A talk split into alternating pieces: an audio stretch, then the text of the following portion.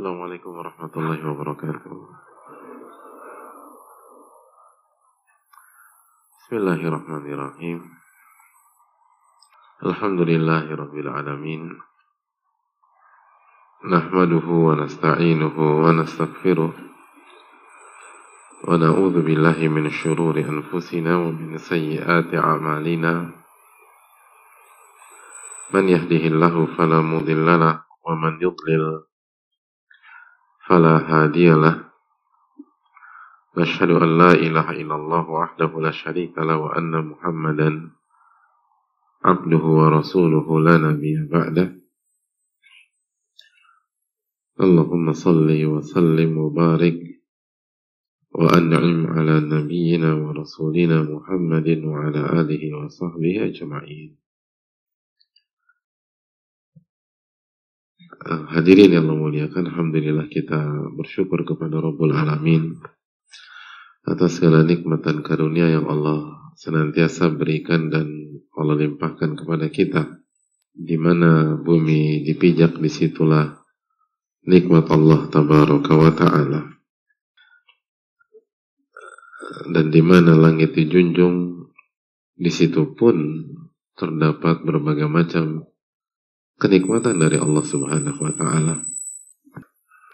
Dan nikmat terbesar adalah nikmat hidayah, nikmat taufik, nikmat ilmu nafi, nikmat hati yang bersih. Karena inti kehidupan adalah kehidupan jiwa dan kehidupan hati.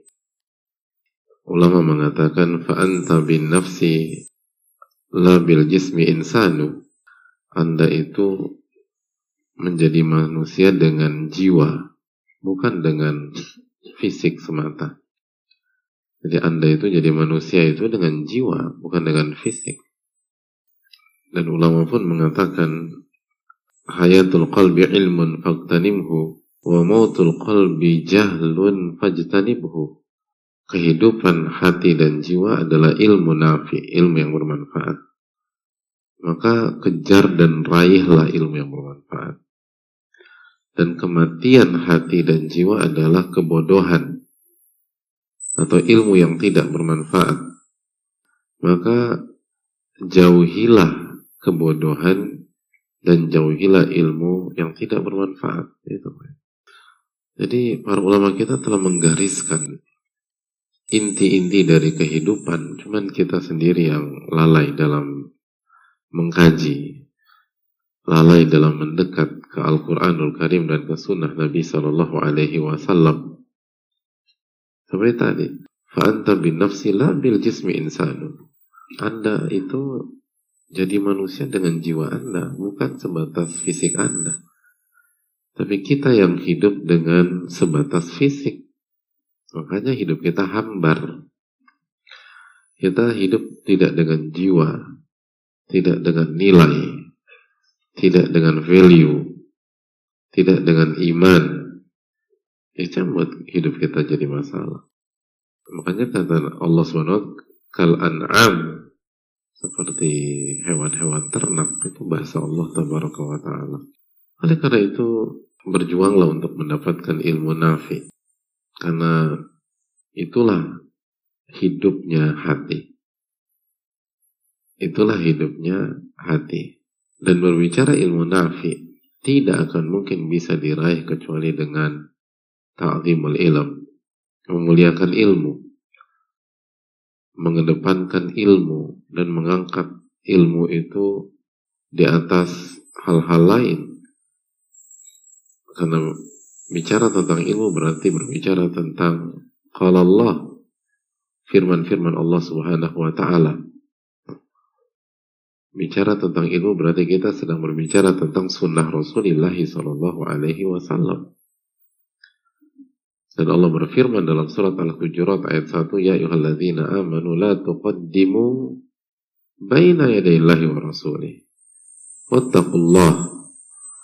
Wahai orang-orang beriman, La tuqaddimu. Janganlah kalian menomorsatukan, mengedepankan apa pun di hadapan Allah dan Rasulnya. Jangan kedepankan apa pun, apa pun.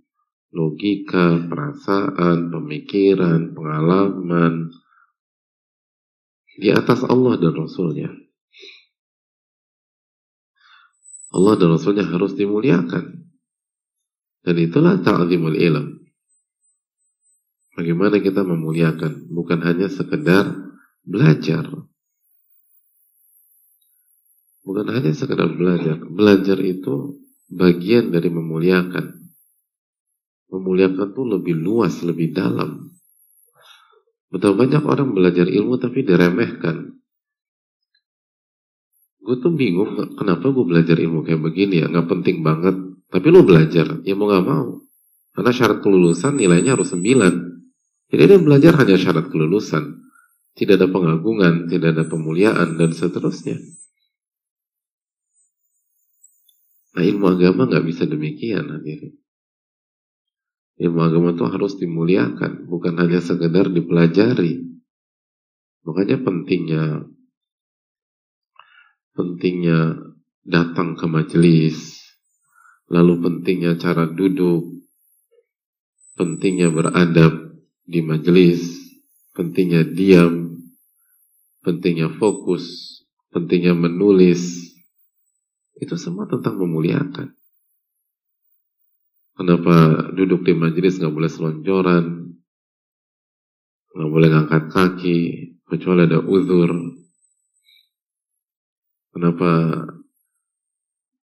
malaikat Jibril ketika duduk di majelis Nabi SAW seperti orang yang sholat iftirash dan kalau tidak bisa minimum bersila kecuali pas kesemutan misalnya itu kenapa itu semua?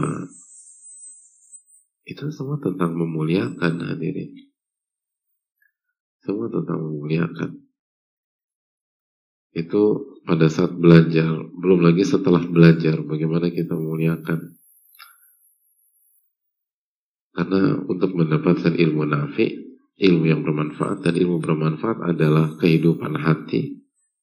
Caranya harus demikian. Bil adabi tafhamul ilma hanya dengan adab kita baru bisa mengerti hakikat dari ilmu oleh karena itu kita duduk bersama Tadkiratul Sami karya Ibnu Jama' Al-Kinani rahimahullahu taala untuk belajar memuliakan ilmu agar ilmu kita menjadi ilmu nafi.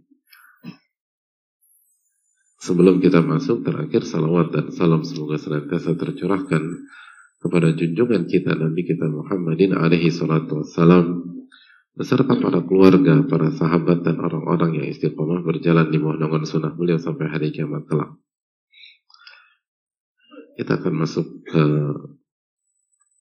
uh, ucapan Ibnu Jama'ah rahimahullah dan kita akan tuntaskan poin kita masih ada satu poin lagi yang perlu kita tekankan yaitu ketika melihat kemungkaran. Fadal masykur. Ahsanullah ilaikum. Bismillahirrahmanirrahim. Alhamdulillahi rabbil alamin. ثم الصلاة والسلام على نبينا محمد وعلى آله وأصحابه أجمعين اللهم اغفر لنا ولأستاذنا ولوالديه ولمشايخه وللمسلمين أجمعين. قال الإمام بدر الدين أبو عبد الله محمد بن إبراهيم بن جماعة الكناني الشافعي رحمه الله تعالى. الثامن معاملة الناس بمكارم الأخلاق من طلاقة الوجه وإفشاء السلام وإطعام الطعام. وكذب الغيظ وكف الأذى عن الناس واحتماله منهم والإيثار وترك الاستئثار والإنصاف وترك, وترك الاستنصاف وشكر التفضل وإيجاد الراحة والسعي في قضاء الحاجات وبذل الجاه في الشفاعة والتلطف بالفقراء والتحبب إلى الجيران والأقرباء والرفق بالطلبة وإعانتهم وبرهم كما سيأتي إن شاء الله تعالى. وإذا رأى من لا يقيم صلاته أو طهارته أو شيئا من الواجبات فعليه إرشاده بتلطف ورفق كما فعل رسول الله صلى الله عليه وسلم مع الأعربي الذي بال في المسجد ومع معاوية بن الحكم لما تكلم في الصلاة. بسم الله الحمد لله والصلاة والسلام على رسول الله. berkata al-musannif ابن جمال الكناني رحمه الله في لبارغراف تراخير وإذا رأى من لا يقيم صلاته أو طهارته قال رحمه الله وإذا رأى من لا يقيم صلاته أو طهارته أو شيئا من الواجبات عليه إرشاده بتلطف ورفق. Dan apabila ahli ilmu melihat seseorang yang tidak menegakkan sholatnya atau tidak bersuci dengan semestinya atau melalaikan sesuatu dari kewajiban-kewajibannya maka ia harus irsyaduhu bitalattufin wa rifkin ia harus atau ia memberikan arahan, memberikan bimbingan dengan lemah lembut. Kita sudah bahas bahwa salah satu kaidah dalam dunia ilmu adalah al-ilmu mabniun ala rahmah. Ilmu itu dibangun di atas sifat rahmat. Uh, hadirin Allah muliakan melihat orang yang melakukan kesalahan, kekeliruan, itu menu keseharian. Makanya perlu kita dudukkan. Jadi melihat orang yang melakukan kesalahan, kekeliruan, kekhilafan adalah menu sehari-hari. Kecuali kalau di hari itu kita nggak keluar kamar atau tinggal sendirian, itu anomali kita nggak membahas masalah itu. Tapi ketika kita menjadi makhluk sosial dan kita berinteraksi, maka melihat kesalahan itu itu sebuah sebuah kehidupan itu sendiri. Salah satu potongan puzzle kehidupan yang nggak bisa dipisahkan. Maka salah dalam masalah ini akan berdampak fatal. Fatal. Salah dalam menyikapi masalah ini bisa berdampak sangat fatal. Mulai dari suntuk di hari itu, kesel, emosi, marah-marah, gitu. Gara-gara emosi gemil, pas gemil berat badan naik, berat badan naik emosi lagi. Jadi nggak selesai-selesai ke mana-mana. Itu contoh misalnya. Ada yang sampai mengucapkan kata talak ke istrinya atau istri minta cerai,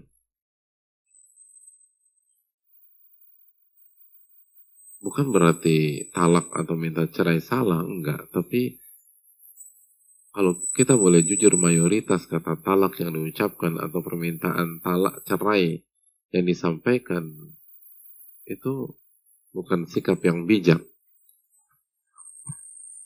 Walaupun kita tahu hukum talak atau cerai itu bisa jadi boleh bahkan sunnah, bahkan wajib.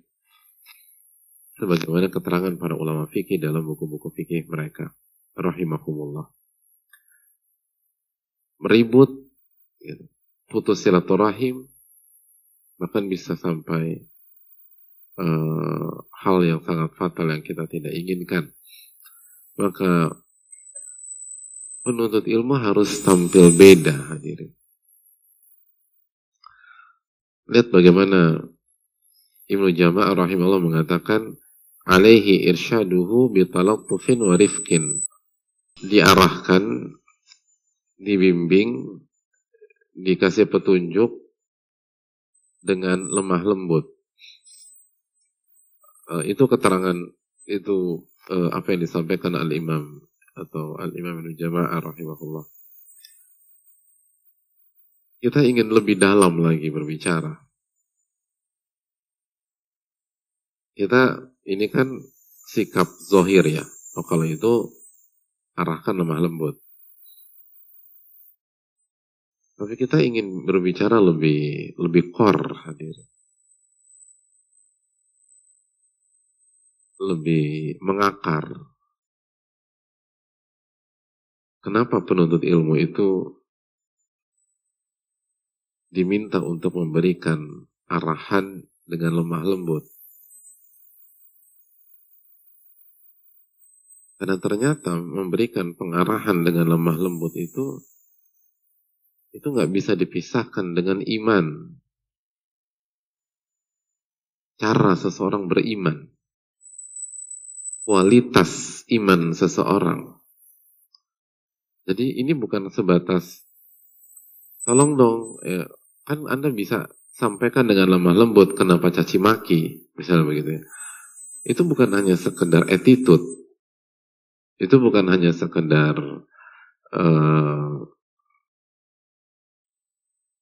adab zohir. Itu bukan sekedar uh, budi pekerti. Tapi itulah cerminan iman seseorang kenapa demikian kita akan uh, melihat bagaimana para ulama membahas masalah ini. Sebut saja Ibnu Qayyim rahimahullahu taala dalam salah satu karya beliau Ar-Risalah Tabukiyah sebuah keterangan yang sangat penting dan menarik.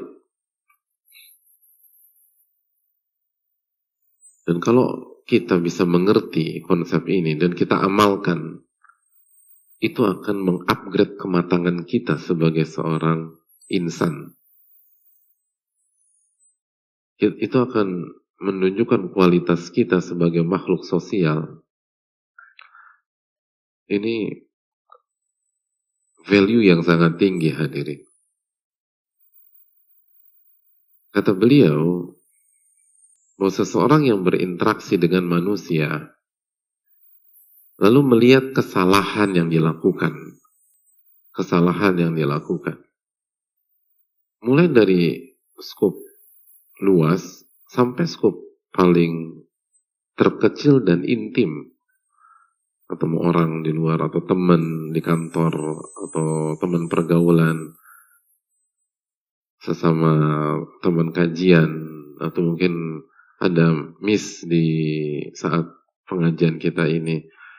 Mungkin panitia melihat jamaah melakukan kesalahan atau jamaah melihat panitia melakukan kesalahan sampai lingkungan terkecil di keluarga besar atau di keluarga inti suami menyikapi istri.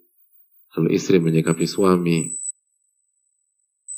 suami melihat istrinya melakukan kesalahan istri melihat suami melakukan kesalahan atau ayah dan ibu melihat anak melakukan kesalahan atau anak melihat ayah dan ibunya melakukan kesalahan, maka kata para ulama, ia harus melihat dari dua kacamata.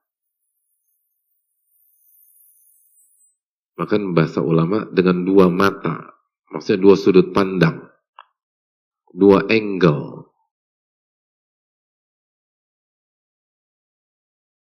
Yang pertama, ainu nadhirah ilal amri wa nahi biha ya'muruhum wa yanhahum. Kacamata yang pertama atau adalah kacamata perintah dan larangan. Apa yang Allah perintahkan dan apa yang Allah larang.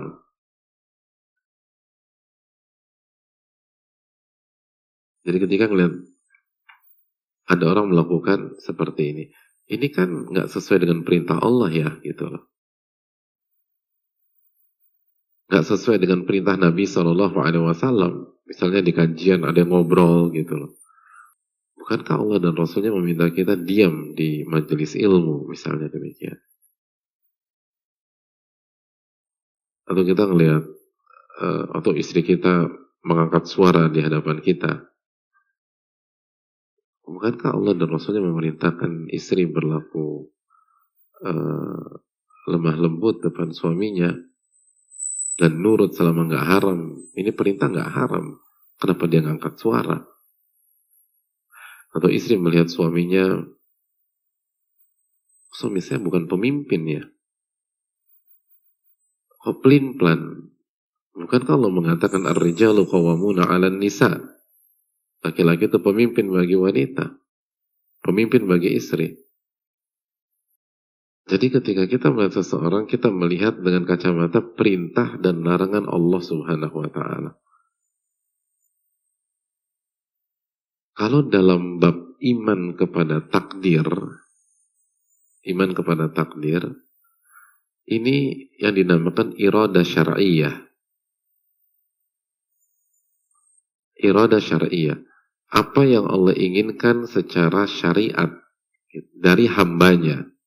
Jadi Allah tuh menginginkan apa sih dari kita? Nah kan dilihat dari perintah dan larangannya. Kok nggak sesuai ya dengan keinginan Allah Subhanahu Wa Taala? dari iroda syariah. Makanya saya katakan, ini bukan tentang attitude semata, ini tentang iman. Ketika kita melihat kok dia begini ya? Kok dia bohong ya? Padahal kan Allah SWT melarang kita berbohong.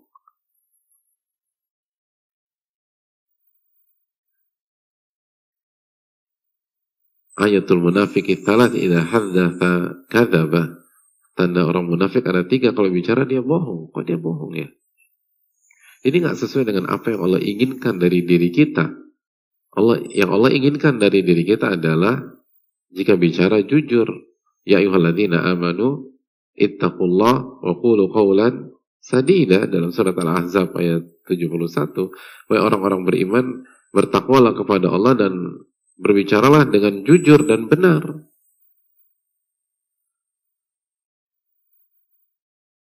Jadi hadirin Allah muliakan, Ketika kita melihat orang lain, kita harus menggunakan kacamata perintah dan larangan. Atau kita harus menggunakan iman iradah syariah. Jadi kita menilai orang tersebut dengan perintah dan larangan Allah Subhanahu wa taala. Itulah pentingnya kita belajar. Itu itulah pentingnya kita ngaji sehingga kita tahu apa yang Allah perintahkan dan apa yang Allah larang. Lalu begitu tidak sesuai, maka kita merasa ada yang janggal nih, kok dia begitu ya?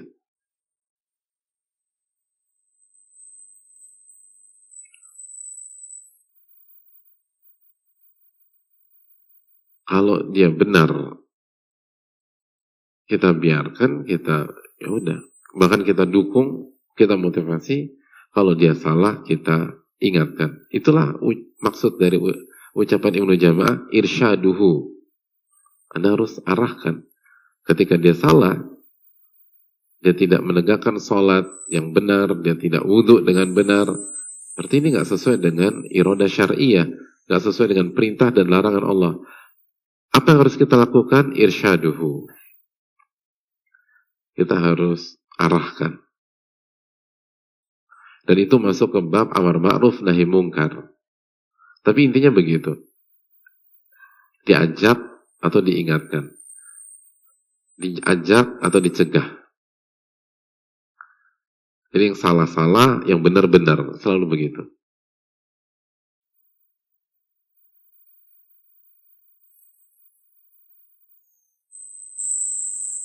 Lalu kita punya bisa uh. Kita harus tahu positioning. Kita tuh sama siapa gitu loh. Kita harus bersama yang benar dan jangan memihak yang salah. Wa kunu ma'as-sadiqin kata Allah SWT dan ber, dan bergabunglah bersama orang-orang yang benar. Nah itu kan nilai jadi perintah dan larangan, perintah dan larangan, perintah dan larangan. Jadi kita, bukan hanya irsyad, kita tuh harus tahu posisi kita di mana. Seringkali hidup ini tentang positioning, teman-teman. Anda tuh di pihak siapa gitu. Posisi Anda dalam kasus ini tuh di mana ya gitu. Apa dalilnya? Kan kita nggak boleh jadi penjilat, kita nggak boleh jadi kutu loncat dan seterusnya. Nah ini perintah dan larangan. Posisi Anda di mana? Jadi, tapi itu terlalu luas. Kita kembali lagi ke poin yang disampaikan Ibnu Jamal rahimahullah. Melihat seseorang, yang pertama harus melihat dengan kacamata perintah dan larangan.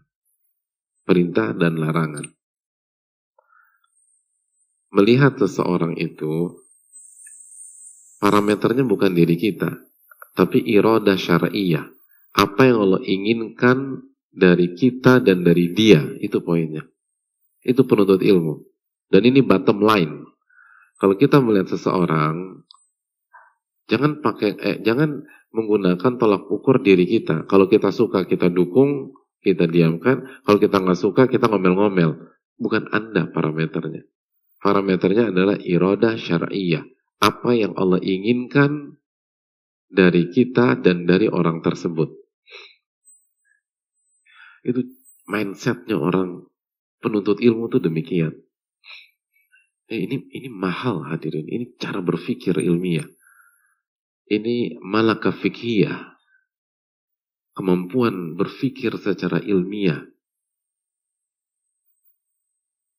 Dan itu yang paling mahal. Ada banyak orang hafal, tapi dia nggak ngerti cara berpikir. Dia nggak ngerti bagaimana menggunakan hafalannya dalam kasus real. Dalam kasus real. Dan itu salah satu bab tersulit dalam ilmu fikih. Dalam ilmu usul fikih dinamakan tahqiqul manab bagaimana mengejawantahkan kaidah dalam kehidupan real. Itu susah sekali. Kecuali diberikan taufik oleh Allah Subhanahu wa taala. Lalu orang diberikan uh, kemampuan untuk memadukan teori menuju ranah praktek. Ya sama kalau bahasa bahasa apa bahasa lapangan kita. Bahasa lapangan kita adalah uh, ide hanya menjadi ide yang akan menguap kalau kita nggak bisa mengeksekusi ide tersebut, makanya kan ada istilah mengatakan Anda boleh curi ide saya, tapi Anda nggak bisa mencuri cara saya mengeksekusi ide tersebut. Nah dengar teori itu nggak sih? Itu. Ada banyak tahu teori-teori, tapi dia nggak bisa mengeksekusinya. Eksekusi itu sulit.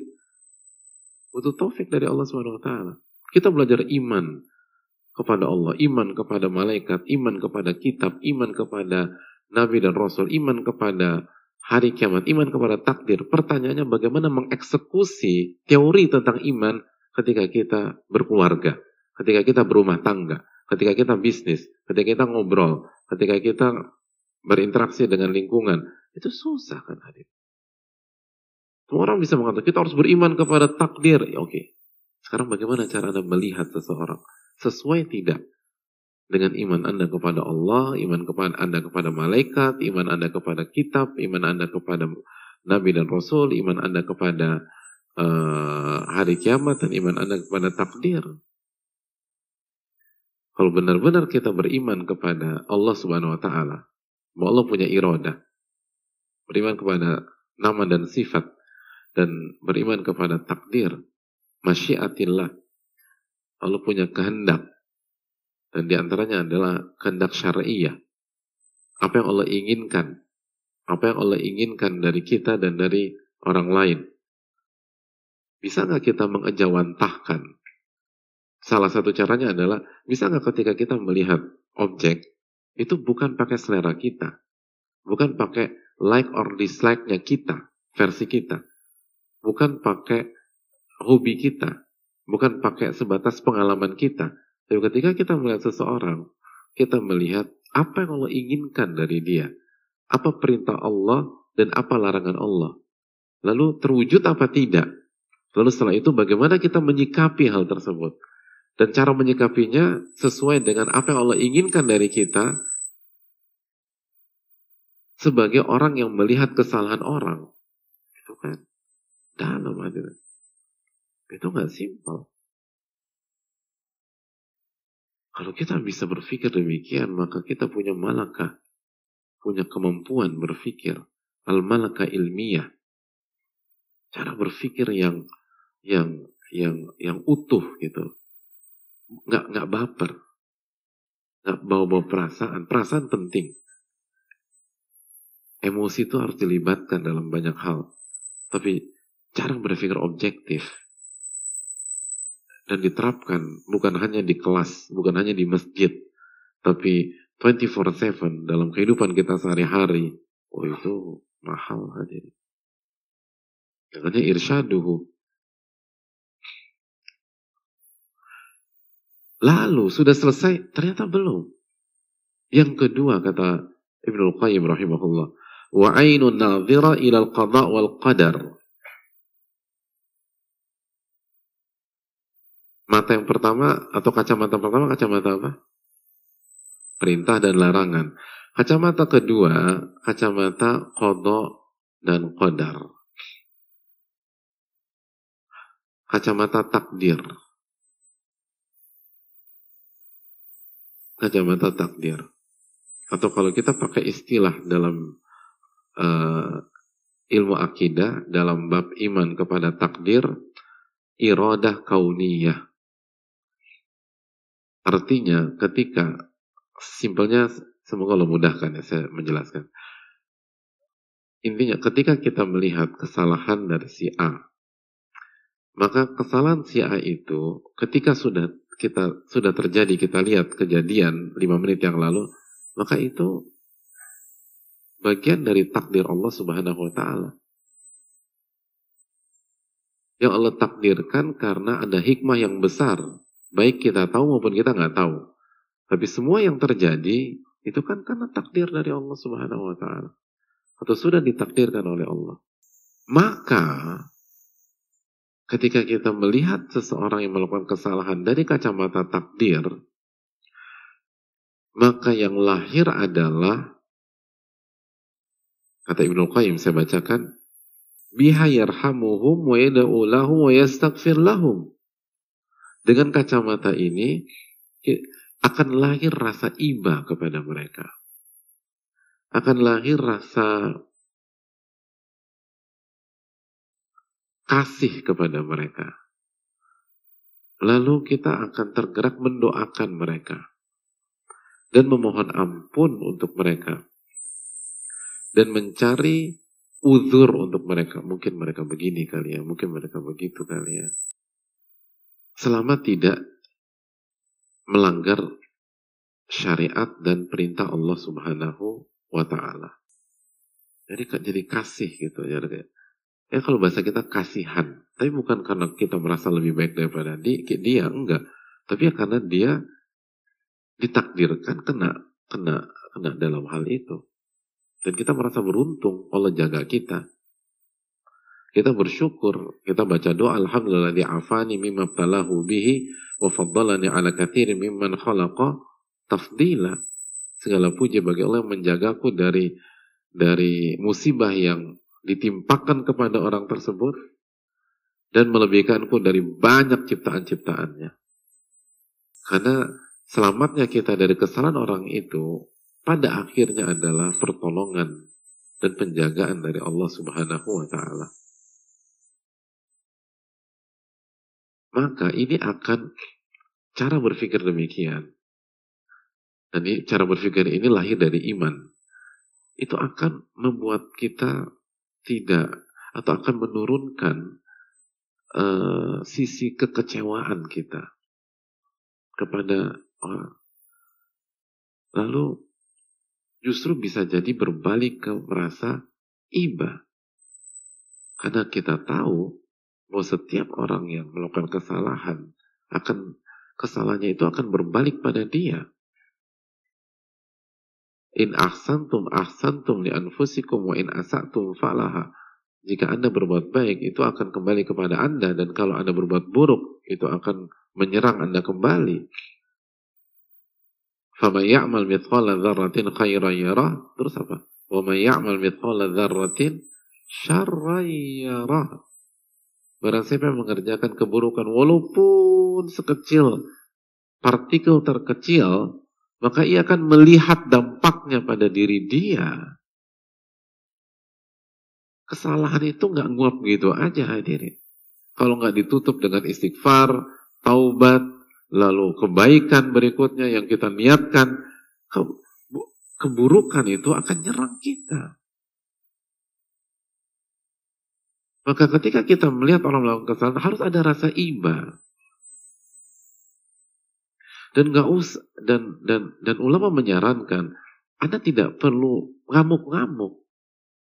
Karena dia akan kena dengan apa yang dia lakukan. Dia akan kena. Dan amukan Anda tidak lebih menakutkan daripada ancaman Allah Subhanahu wa taala. Buat apa Anda ngamuk-ngamuk? Ada orang sekarang ini enggak, saya mau habisi dia, saya mau bunuh dia. Itu kan mentok-mentok yang akan dilakukan manusia. Pembunuhan dibanding siksa neraka itu mana yang lebih parah hadirin? Mana yang lebih menakutkan, mana yang lebih kejam? Siksa api neraka. Atau sebelum kita bicara siksa neraka, dengan alam kubur, adab kubur, mana yang lebih parah? Oleh karena itu hadirin sekalian, penuntut ilmu itu harus punya sisi ini. Oh, dia harus punya rasa iba, harus punya rasa kasih gitu. Susah memang susah. Yang bicara nggak lebih baik daripada mendengarkan. Tapi ini amanat ilmiah. Saya harus bacakan keterangan para ulama. Dan semoga Allah memberikan taufik kepada kita untuk mengamalkannya. Makanya sekali lagi kan itu. Kenapa Nabi SAW nggak dendam? Karena belum mengerti konsep ini. Ya beliau yang membongkar risalahnya ke kita. Masa nggak ngerti?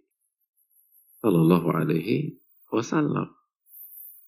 Apa yang akan diderita oleh orang yang melakukan kesalahan sudah cukup bagi dia.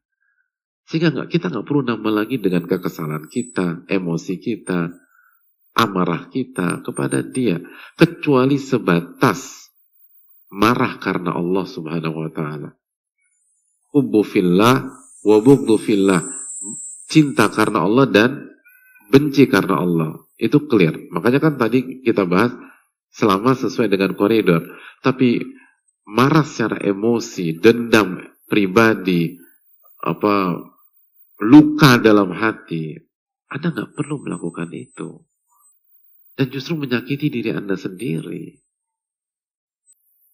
Gak perlu. Itu nyusahin kita, diri. Dan itu membuktikan kita kurang beriman kepada takdir. Karena bukankah ketika orang itu menzolimi kita, kalau itu terjadi, bukankah itu bagian dari takdir Allah SWT kepada kita yang tidak mungkin tanpa hikmah? Wa asa an takrahu syai'an wa huwa khairul lakum. Bisa jadi kalian gak suka itu justru yang terbaik buat kalian. Wa asa syai'an wa huwa syarrul lakum. Dan yang kalian inginkan itu buruk bagi kalian. Wallahu ya'lam wa antum la ta'lamun. Allah Maha tahu dan kalian gak ngerti apa-apa. Al-Baqarah 216. Ada banyak kondisi seperti ini itu yang membuat akhirnya kebaikan buat orang yang disakiti dan seterusnya. Mungkin bukan hari H, bukan mungkin bukan plus satu, mungkin bukan tahun depan, tapi 10 tahun yang akan datang. Kalau dia nurut, dia flashback lagi ke belakang, oh ternyata ini hikmahnya. Saya bersyukur. Hadirin Allah muliakan. Lihat bagaimana setiap kita menikmati ziarah kita di kota Madinah Nabawiyah kalau kita haji atau umrah. Bukankah awal dari kenikmatan kita berada di kota yang begitu indah tersebut, begitu berkah tersebut selama tiga atau empat hari, itu berawal dari kezuliman orang musyrik kepada Nabi SAW. Yang anti klimaksnya mereka ingin membunuh Rasulullah SAW. Yang menyebabkan beliau harus keluar Bukan karena takut, tapi untuk menjalankan tugas dari Mekah ke Madinah. Sallallahu alaihi wasallam. Lalu hari ini kita nikmati. Oh, itu itu takdir yang indah dari Allah Subhanahu wa taala. Itu takdir yang indah. Kota yang begitu luar biasa. Dan itu itu salah satu contoh. Setiap kita punya episode seperti itu. Cuman karena kita dulu menjahula. Kita ini bodoh, hadirin. Sehingga kita nggak nangkep. Lalu ditambah lagi kita nggak nggak mengedepankan iman kita. Kita pakai perasaan kita. Kita pakai logika kita yang yang yang terbatas itu. Akhirnya ngamuk deh. Gara-gara dia nih. Gue jadi begini. Enggak. Makanya kan ketika kita mendapatkan ketidaknyamanan, apa yang kita katakan? Qaddarallah wa masya'a fa'al. Qaddarallah. Dan apa yang Allah takdirkan, pasti akan terjadi. Nah penuntut ilmu harus kuat dari sisi itu. Makanya irsyaduhu bitalattuf warif kasih masukan dengan lemah lembut lemah lembut di sini karena iman kepada takdirnya itu hingga melahirkan rasa kasih, rasa iba. Dan kalau kesalahan orang tersebut merugikan diri kita, kita yakin bahwa pasti ada hikmah. Allah nggak mungkin mentakdirkan sesuatu tanpa hikmah. Rabbana ma khalaqta hadza batila subhanaka faqina adzabannar. Wahai Rob kami, kau nggak mungkin menciptakan sesuatu tanpa ada alasan, tanpa ada hikmah, tanpa ada pelajaran, tanpa ada keuntungan. Subhanaka faqina azabana. Subhanak. Maha suci engkau. Dari menetapkan sesuatu tanpa ada hikmah sama sekali. Maka kalau seseorang matang dengan iman seperti itu, maka dia tidak butuh marah-marah, dia tidak butuh emosional. Maka yang lahir adalah mengingatkan dengan lemah, lembut. Itu Itu poinnya. Itu poinnya. Karena dia yakin bahwa ini nggak mungkin keluar dari aturan Allah tabaraka wa ta'ala. Dan Allah nggak mungkin zolim sama kita nggak mungkin. Nggak mungkin zolim. Karena dia yakin Allah berfirman, Inni haramtu zulma ala nafsi. Aku telah haramkan kezoliman terhadap diriku. Jadi sebenarnya kita itu emosi, kita itu dendam, kita itu marah-marah. Di luar marah karena Allah dan benci karena Allah. Di luar itu kita itu udah clear, itu positif. Tapi ketika kita marah-marah, emosi, kesal, karena kesalahan orang, karena kemungkaran orang, karena kekeliruan orang, sebenarnya yang membuat kita marah-marah emosi pribadi tersebut bukan kesalahan dan kekeliruannya, tapi karena kurangnya iman kita terhadap takdir Allah Subhanahu wa taala. Itu poin. Itu jadi masalah. Bukan karena dia zolimin kita. Dia kan zolimin saya Ustaz. Dan dalam Islam gak, gak boleh zolimin. Zolim itu maksiat. Wajar dong saya marah. Ya, jika marahnya karena Allah. Dan kalau marah karena Allah, harus ada sisi iba tadi. Harus ada sisi kasihan tadi. Harus ada sisi berharap diampuni. Makanya kan diriwayatkan para nabi ketika terluka apa doa mereka? Allahumma gfir li qawmi fa innahum la ya'lamun. Allahu Akbar. Ya Allah maafkanlah kaumku. Karena bisa jadi mereka tidak tahu ya Allah. Allahumma gfir li qawmi fa innahum la ya'lamun. Itu doanya Nabi alaihissalam ketika dilukai oleh kaumnya. Dilukai. Bukan dikasih gift. Bukan dikasih reward Bukan dikasih award, dilukai. Allahumma gfir li qawmi fa innahum la ya'lamun. Ya Allah maafkan kaumku. Karena bisa jadi mereka tidak tahu. Itu. Maafkan kaumku bisa jadi mereka nggak tahu. Kata para ulama ketika menjelaskan riwayat ini, ini di level tertinggi. Maafkan kaumku.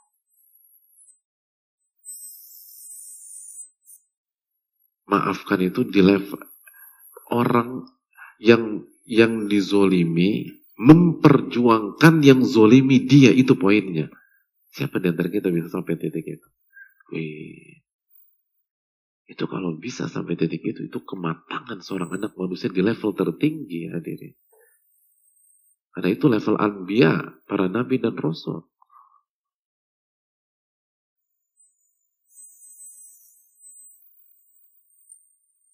Seringkali kan kita di masyarakat baru sampai di level Iya, saya maafkan. Tapi biar Tuhan yang balas gitu mas. Jadi belum koma, eh belum ini. Saya maafkan. Tapi biar Tuhan yang balas gitu. Atau apa? Maafkanlah dia. Ya saya maafkan. Tidak ada masalah, saya maaf. Tapi proses harus berlangsung gitu. Proses harus terus dilanjutkan. Emangnya nggak boleh? Boleh, boleh. Itu hak itu hak boleh, nggak ada masalah. Biar Tuhan yang balas tuh boleh, itu hak. Tapi kalau kita ingin mendapatkan kematangan tertinggi, keimanan tertinggi, dan rohatun nafas, ketenangan jiwa, kebahagiaan, walaupun terdolimi, itu jawabannya. Dan itu level para nabi dan rasul alaihi wassalatu wassalam. Dan inilah arah yang diinginkan oleh para ulama kita ke kita sebagai penuntut ilmu. Susah memang. Dan sekali lagi yang bicara tidak lebih baik daripada yang mendengarkan. Tapi semoga Allah memberikan taufik kepada kita untuk bisa mengamalkan ilmu kita setahap demi setahap sehingga kita mendapatkan ilmu nafi kita akan lanjutkan pada salat wassalamualaikum warahmatullahi wabarakatuh